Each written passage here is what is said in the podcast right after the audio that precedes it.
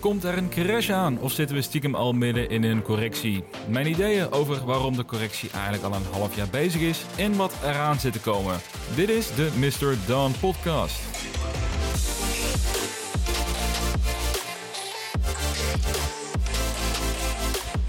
Leuk dat je luistert naar deze aflevering. Mijn naam is Jasper en in deze podcast focussen we ons op investeren in innovatieve groeibedrijven. En als jij ook graag belegt in groeiaandelen, nou, dan heb je hoogstwaarschijnlijk ook een pittige week achter de rug. Het voelt misschien zelfs als een eventuele start van een grotere correctie, omdat over de gehele breedte de markt is gedaald en het sentiment ook sterk negatief is geworden. En in werkelijkheid mag je misschien wel stellen dat de correctie eigenlijk al maanden geleden is begonnen. Al heeft de perceptie dat we nog steeds volop in de grootste bullrun ooit zitten. Maar dat is in mijn ogen slechts gedeeltelijk waar. Wat mij betreft zitten we namelijk halverwege in een correctie die uit drie fases bestaat. De afgelopen maand is de tweede fase begonnen en ik zal jullie zo meteen toelichten wat ik daarmee bedoel. Want in deze aflevering wil ik een stapje terugzetten. Eigenlijk een beetje uitzoomen ja, om mijn idee te delen over wat er aan de hand is op de beurs ja, en hoe de komende periode er mogelijk uit gaat zien. Waarbij ik uiteraard ook zal delen over hoe ik de komende periode met mijn portfolio ga inhaken op deze ontwikkelingen. En als je continu op de hoogte gehouden wilt worden, dan kan je mij op Twitter volgen onder de naam Mr. Don NL. Daar ben ik dagelijks op actief. En vind je dit een leuke podcast en luister je via Apple Music, dan doe je mij een groot plezier om een waardering of een review achter te laten. En mocht je vrienden hebben die ook interesse in me beleggen, nou, dan zou ik het tof vinden als je deze podcast met hen wilt delen. Dan uiteraard nog de gebruikelijke disclaimer. Dit is geen financieel advies. Doe altijd je eigen onderzoek en beleg alleen met geld dat je voor een langere tijd kunt missen. Het einde van de bull market is aanstaande. Er komt een correctie aan die minimaal vergelijkbaar is met de dotcom-bubbel in 2000. En we gaan allemaal heel veel geld kwijtraken als je nu niet volledig naar cash gaat. Tenminste, dat is het sentiment die eigenlijk sinds kort rond de beurs hangt. En het is grappig als je opiniestukken en artikelen leest van ruim een maand geleden. Ja, toen leken er gouden bergen in het vooruitzicht. En een van de makkelijkste manieren om het marktsentiment te polsen, dat is de zogeheten Fear and Greed Index van CNN. Want op basis van zeven indicatoren, zoals uh, market momentum, aandelenkoers, volumes, maar ook bijvoorbeeld een call- en put ratio, ja, wordt dagelijks een sentiment uitgedrukt tussen de 0 en de 100. Waarbij 0 extreem bearish is en 100 extreem bullish. En op dit moment, zondag 5 december, staat de score op 20. Nou, Zo'n lage score is dit jaar slechts twee keer eerder geweest, namelijk afgelopen september en afgelopen mei. En in beide gevallen ging de SP destijds zo'n 4 à 5 procent naar beneden in een vrij korte tijd. En we zitten nu op een 3,5% daling van de SP in de laatste anderhalve week. Wat in beide gevallen ook gebeurd is, is dat de beurs ontzettend snel weer is hersteld. Maar sentiment is in mijn ogen een van de belangrijkste indicatoren om in de gaten te houden. Ik geloof persoonlijk niet zozeer in die technische analyses, waarbij je korte termijn koersverwachtingen bepaalt op basis van bepaalde nou, rekenkundige modellen en trends. Maar waar ik wel in geloof, ja, is eigenlijk een hele simpele gedachte. En dat is dat als beleggers extreem bearish zijn over aandelen, dat dat het moment is om te kopen. En tegenovergestelde, bij extreem bullish sentiment ja, kan dat een geschikt moment zijn om even gas terug te nemen. En het is verrassend hoe vaak dit lijkt te kloppen. Het sentiment van afgelopen november was namelijk by far het meest bullish van geheel 2021, met een score rond de 85. En de laatste keer dat het zo bullish was, dat was januari 2020, dus net voor de crash, en november 2020, toen de tech- en small caps hype begon, waardoor specs en ook speculatievere bedrijven een enorme opmars aan het maken gingen. En dat het sentiment nu bijzonder laag staat, betekent niet per se dat de bodem in zicht is. Maar het is wel een teken dat een van de indicatoren die inzicht geeft in de beurs aangeeft dat we redelijk pessimistisch zijn op dit moment. En dat is eerder een teken van een aanstaand herstel. Maar bekijk het namelijk even vanuit dit praktisch voorbeeld. Stel, je hebt een favoriet aandeel, nou, laten we zeggen Tesla, en Tesla daalt 10%. En je besluit om de dip te kopen. Nou, in de korte periode daarna daalt de koers nogmaals met 10%. En in dit geval besluit je om je positie te verdubbelen, want dit voelt als de jackpot. Want zo lang zal het aandeel niet in deze lage prijs blijven hangen, is je gevoel. Maar als het aandeel nog een keer met 10% daalt, ja, dan begin je langzaam te twijfelen en je besluit even te wachten met kopen, want schijnbaar kan hij dus nog lager. En daarna daalt Tesla nog een keer 10%. Dus in totaal, nou, laten we zeggen 40%, even makkelijk rekenen. En nu krijg je stress, want opeens lijkt er geen bodem meer aan te zitten. In plaats van meer te kopen, krijg je eerder de behoefte om te verkopen en om op een later moment misschien weer terug in te kopen. Ja, dat is het moment die je moet herkennen. Het op het moment dat je bang wordt om bij te kopen of om posities te openen, en dat je zelf eerder in een mindset komt dat je kapitaal wilt gaan beschermen, ja, dat is vaak de fase dat veel andere beleggers daar hetzelfde over denken en een teken dat je dicht bij de bodem bent.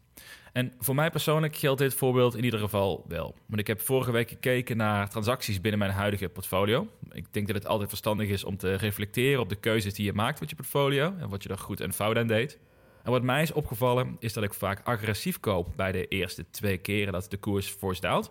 Ja, en ook blijf kopen op de weg naar beneden. Maar de bodem die pak ik eigenlijk nooit. Of vrijwel met ja, een heel klein deel, een hele kleine aankoop. Uh, bij Canoe bijvoorbeeld heb ik afgelopen juni tot en met augustus eigenlijk de hele weg naar beneden bijgekocht. Vanaf uh, van 10 dollar tot ongeveer 6,50 dollar was dat. Maar die laatste 10% van 6,50 dollar naar 5,90, ja, die heb ik volledig gemist. Want schijnbaar was ik op dat moment bang om nog meer aandelen te kopen. En dat bleek achteraf gezien in ieder geval de bodem te zijn van dit aandeel. En dat scenario heb ik nu een aantal keren meegemaakt als we kijken naar de transacties die ik heb uitgevoerd. Maar goed, nogmaals, dit is een scenario die je waarschijnlijk ook wel een keertje hebt meegemaakt of die je vast ook wel herkent. Maar dit is één teken en niet een garantie dat het opnieuw gaat gebeuren of dat het per se betekent uh, dat de hele beurs nu bijvoorbeeld op zijn gat gaat vallen. Want tussendoor zie ik de financiële gurus tussen haakjes weer uh, artikelen plaatsen over de crash die er nu echt aan zit te komen. En waarom je nu moet investeren in goud, want het einde is nabij. Nou, los daarvan wat jouw sentiment is over de koersontwikkelingen in de komende weken en maanden. Het kan vriezen, het kan dooien in mijn beleving. Maar ik zou nooit van iemand één op één aannemen dat er een crash aan zit te komen. Er hebben namelijk veel meer mensen geld verloren met het anticiperen op een crash dan de daadwerkelijke crash. En wat ik zelf ook altijd wel een, een, grappige uitspraak vind, is dat er veel beren zijn die de laatste 365 crashes van de laatste vijf uh, goed hebben voorspeld. Dus dat, uh, dat zegt misschien ook wel voldoende, denk ik. Maar goed, terug naar het sentiment, want dat is even belangrijk op dit moment. Um, die is momenteel dus zwaar negatief. En het is wel duidelijk dat de markt gas terug aan het nemen is. En dat is niet vreemd, want in de afgelopen jaar zijn de waarderingen van bepaalde aandelen echt fors opgeblazen. En dat heeft te maken met drie aanleidingen. Allereerst heeft de Amerikaanse Fed een enorm bedrag in de economie gepompt. Meer geld in de economie betekent dat er meer geld beschikbaar is om te investeren, met als gevolg dat praktisch alle assets enorm in waarde zijn gestegen. Dus niet alleen aandelen, maar dat zie je ook terug in de huizenmarkt, bijvoorbeeld ook in crypto.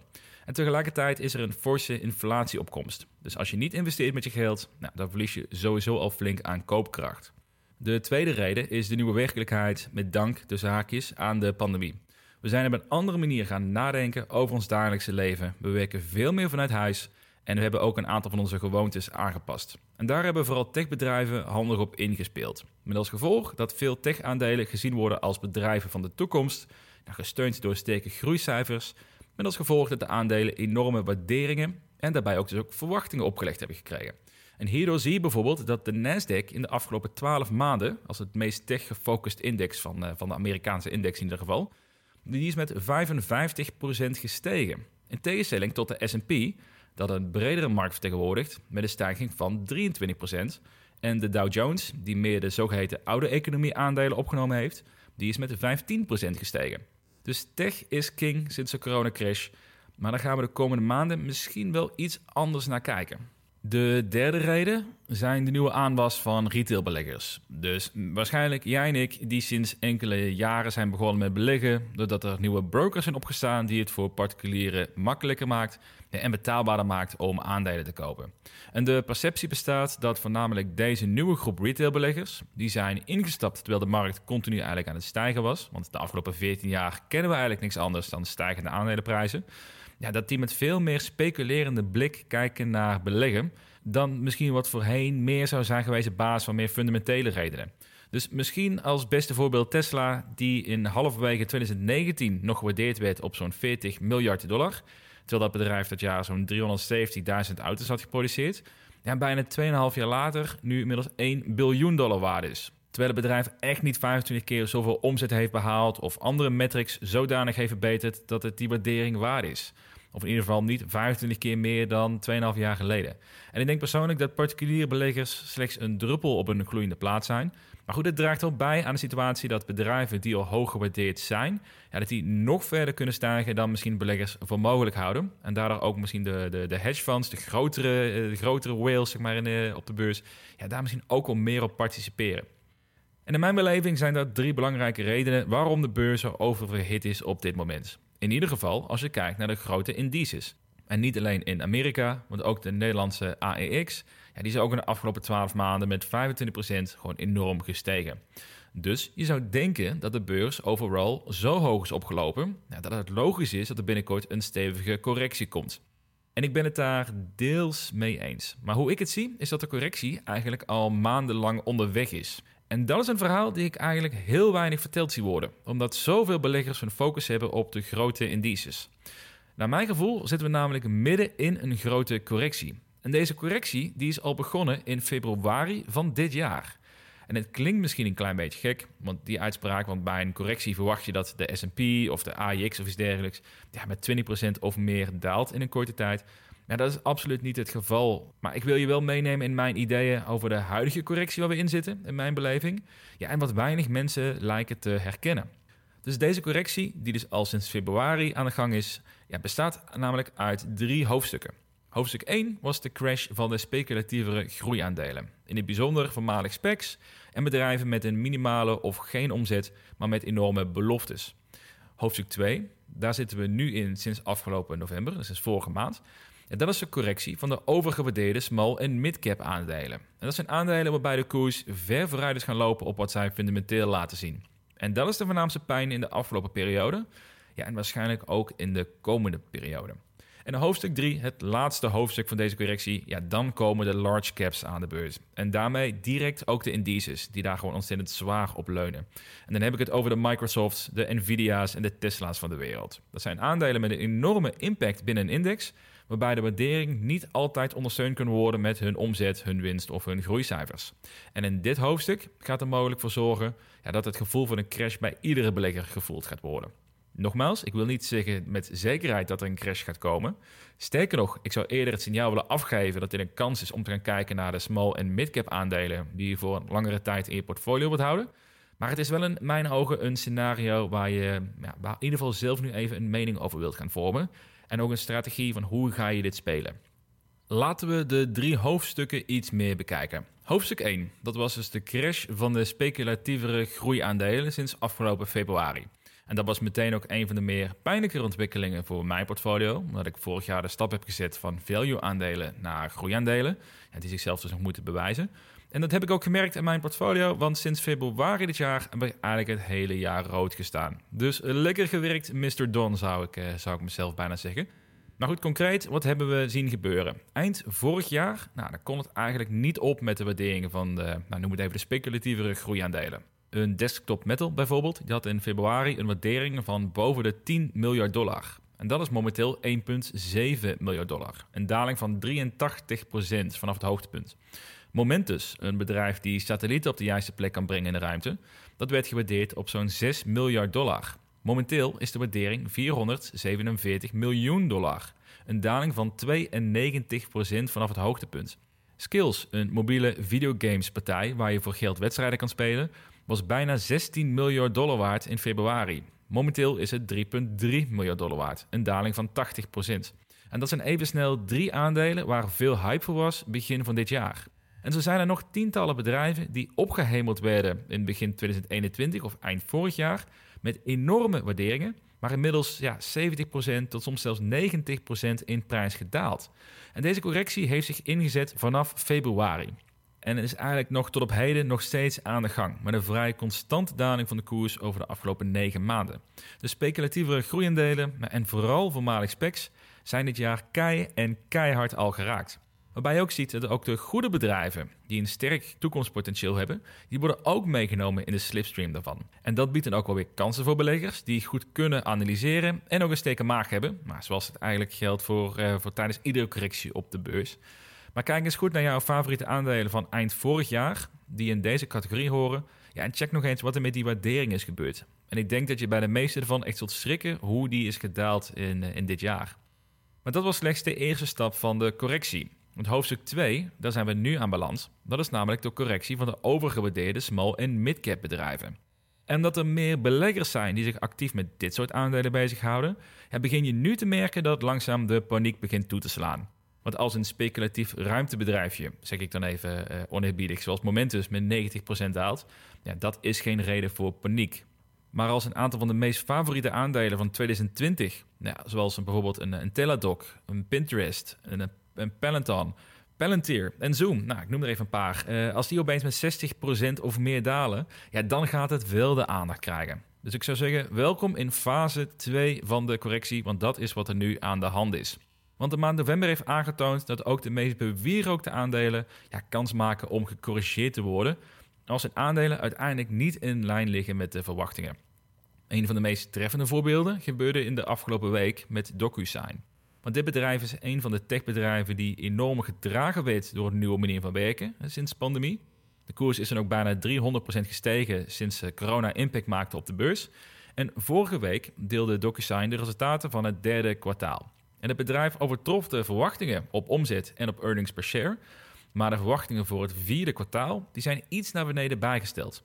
En waar analisten een omzet van 575 miljoen dollar hadden verwacht voor het aanstaande Q4, gaf de CEO aan dat ze waarschijnlijk 560 miljoen dollar gaan behalen. Dat is 2,5% lager dan analisten hadden verwacht voor de omzet. Het gevolg is een koersdaling van, en nu komt het, 43% op afgelopen vrijdag.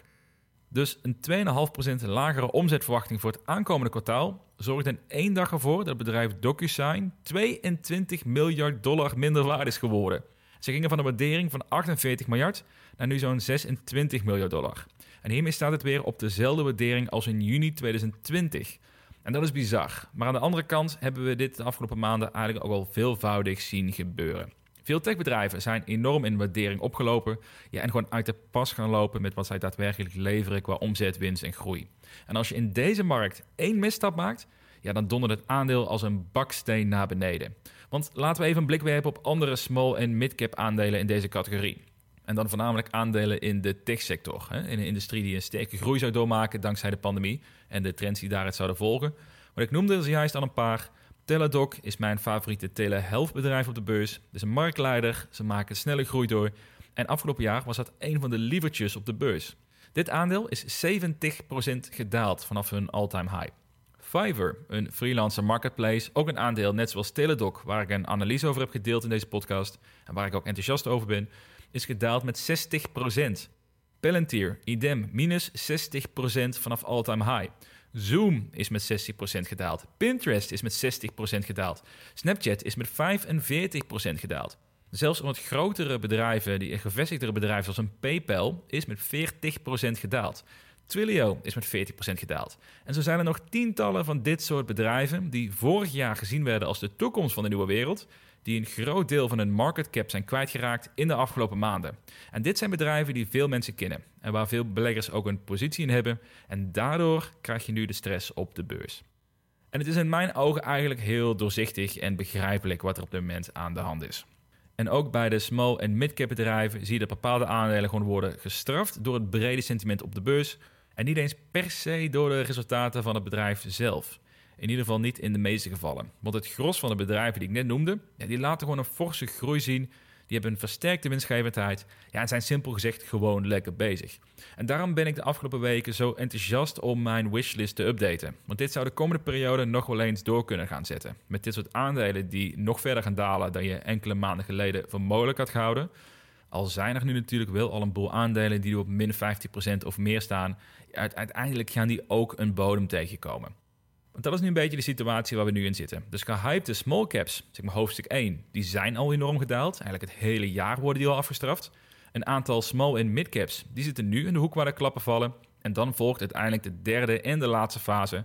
Ja, en dat is het moment dat alle beleggers en hun vaders en moeders de stress gaan krijgen. Want dan gaan we het merken bij de large caps. Oftewel de bedrijven die vrijwel alle groei in de indices voor dit jaar voor hun rekening nemen.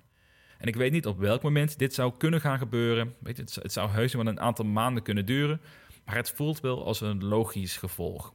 En nu ga ik uiteraard wel iets meer speculeren, want tot op heden doen de large caps het gewoon geweldig dit jaar. Want ook bij de large caps zie je namelijk dat bepaalde waarderingen ver vooruit zijn gelopen op de fundamentals. En dit soort bedrijven, dat zijn nou, veelal meer solidere bedrijven die gewoon sterk winstgevend zijn. Nou, die zie je een price to earnings halen tussen de 20 tot ongeveer 35. Beetje afhankelijk hoeveel groei ze nog, uh, nog, nog maken en hoeveel groei ze voor zich hebben. En als we een blik werpen op een aantal aandelen die een aardige impact maken op indices, nou, dan zie je toch een klein schrikbeeld opkomen. Tesla heeft namelijk een PI-ratio van 351. Nvidia heeft een PI van 99. Amazon kost 67 keer de earnings. Maar ook een Adobe en een Netflix die doen het beide met 55 keer de earnings. Nou, als deze bedrijven teruggeschopt worden naar meer redelijkere waarderingen, hè, tussen die 20 en die 35, om en nabij, ja, dan is een daling van 30% tot 60% in sommige gevallen echt niet meer uit te sluiten. Net zoals je dat bij de small- en mid-cap ziet gebeuren. Ja, en op dat moment ga je ook zien dat de, de indices, de S&P's, de Nasdaq's, ja, die gaan daarin mee. Die gaan dan ook tientallen procenten dalen. Er wordt vaak de opmerking gemaakt van ja, een, een Amazon dat gaat nooit meer 30% dalen. Of een Microsoft gaat nooit meer 30% dalen. Of eh, Amazon gaat nooit meer onder de 1600 dollar komen. Dat is belachelijk. Dat gaat never nooit gebeuren. Nou, die opmerkingen, daar zou ik dus heel, heel voorzichtig mee zijn. Want dat werd ook verwacht een, eh, een half jaar geleden toen Pinterest op 19 dollar stond. werd ook verwacht dat het nooit meer zou gaan gebeuren. Of dat een DocuSign weer terug zou vallen naar, naar juni 2020-achtige waarderingen. Nooit, hou er nooit rekening mee dat een koers niet zo ver kan gaan dalen. Dat iets nooit meer kan gaan gebeuren. Want er kan een hoop gebeuren in deze markt. Dit is nogmaals puur speculeren. Maar de signalen komen wel sterk overeen met hoofdstuk 1 en 2 van deze correctie. Dus ik zou het zeker niet als onwaarschijnlijk beschouwen. Goed, maar wat betekent dat nou allemaal? Een paar conclusies die ik voor mezelf getrokken heb. Een van de conclusies is dat ik mijn aandacht nu volledig vestig op bedrijven in de eerste twee hoofdstukken. Dus de speculatievere small caps en de small en mid caps die tot onlangs nog overgewaardeerd waren. mijn actieve wishlist bestaat nu uit een aantal bedrijven. En om ze even op te noemen, dat is nu Teladoc, Corsair, Kahoot, Iron Source, CM.com en Fiverr. En dat natuurlijk naast het uitbreiden van mijn posities in Pinterest en Desktop Metal. En voor Canoe heb ik al een, eh, een behoorlijke positie met bijna 70%. En als de beurs fors daalt, nou, dan komen ook PubMatic en Metaport weer in het vizier. Maar die staan op dit moment nog steeds, uh, nog steeds vrij aanzienlijk gewaardeerd. En bij dit soort bedrijven liggen wat mij betreft de grootste kansen voor het komende jaar. Ik zeg niet dat deze aandelen niet nog verder kunnen gaan dalen, maar het begint wel steeds aantrekkelijker te worden vanuit een risk-reward oogpunt. Want uiteindelijk heeft ieder bedrijf ook een fundamentele waarde. Tegelijkertijd blijf ik weg bij de grotere aandelen in de indices. Ik vermoed dat daar nog wel een correctie te wachten staat, ja, al dan niet over een aantal maanden. Ja, en dat is iets waar ik nu denk ik geen risico voor, uh, voor zou willen lopen, los ervan dat het ook niet past bij mijn portfolio-strategie. Maar dat is wel iets waar ik misschien wat, uh, wat pijn zou verwachten in de komende periode. Een andere conclusie die ik eigenlijk heb getrokken is dat ik me eigenlijk weinig zorgen maak op dit moment. En dat komt grotendeels door mijn portfolio, want met Canoe, met Desktop Metal en Pinterest heb ik drie aandelen die dit jaar al fors zijn geraakt en die ik momenteel beschouw als ondergewaardeerd. Ik verwacht ook niet dat deze aandelen nog een keer 50% gaan dalen. Zelfs niet als de indices wel fors gaan dalen nog. En in combinatie met het zwaar negatieve sentiment in de markt, waar ik het begin van deze podcast over had, als je kijkt naar de Fear and Greed Index, ja, dat versterkt mij wel in de gedachte dat ik iedere maand mijn posities blijf uitbouwen. Het zal dan misschien wel iets conservatiever worden, dus niet direct mijn hele cashpositie uitgeven. Of in ieder geval, nou, ik heb eigenlijk geen cashpositie, maar gewoon het, het geld wat ik iedere maand netjes binnenkrijg. Maar ik ga dus zeker niet mijn strategie aanpassen door nu bijvoorbeeld een forsere cashpositie op te bouwen. En ik ga al helemaal geen aandelen verkopen omdat ik bang ben voor een eventuele correctie. Maar uiteindelijk is dat wel natuurlijk een keuze voor iedereen zelf om te maken. Of dit het moment is om te kopen of om juist te verkopen. Maar met deze aflevering hoop ik jou in ieder geval mijn blik op deze markt te hebben gedeeld. Met een paar aannames en nog een aantal eh, persoonlijke interpretaties. En we gaan de komende maanden meemaken wat wijsheid zou zijn geweest. Maar als ik je één tip zou mogen geven nu, ga in ieder geval heel kritisch door je portfolio. En weeg voor iedere investering af of de waardering, ja, of die nog marktconform is. of dat het een risico loopt bij een forse terugval. Als straks fundamentals wel weer een rol gaan spelen. En ook ga aan de slag met een wishlist. Welke aandelen zou jij graag willen kopen en bij welke koers wil je een positie openen? Zodat je durft te profiteren van een eventuele correctie, ja, zonder dat je op dat moment misschien angstig wordt door het sentiment in de markt. Nou als iedereen uh, verdoemenis aan het schreeuwen is, wat je nu al een heel klein beetje begint te merken. Nou, dan wil je niet degene zijn die dan angstig is en niet durft toe te slaan op het moment dat het wel heel aantrekkelijk wordt. Nou, tot dus, eh, tot dus ver, denk ik eigenlijk. Luister je via Apple Music, dan zou ik het waarderen als je deze podcast een score wilt geven. Ik zou het tof vinden als je deze podcast deelt met vrienden. Zeker vrienden die tegen jou zeggen dat er een crash aanstaande is. Misschien dat ze hier, als ze dit geluisterd hebben, daar ook nog wel een mening over krijgen. In ieder geval bedankt voor het luisteren en graag tot de volgende aflevering.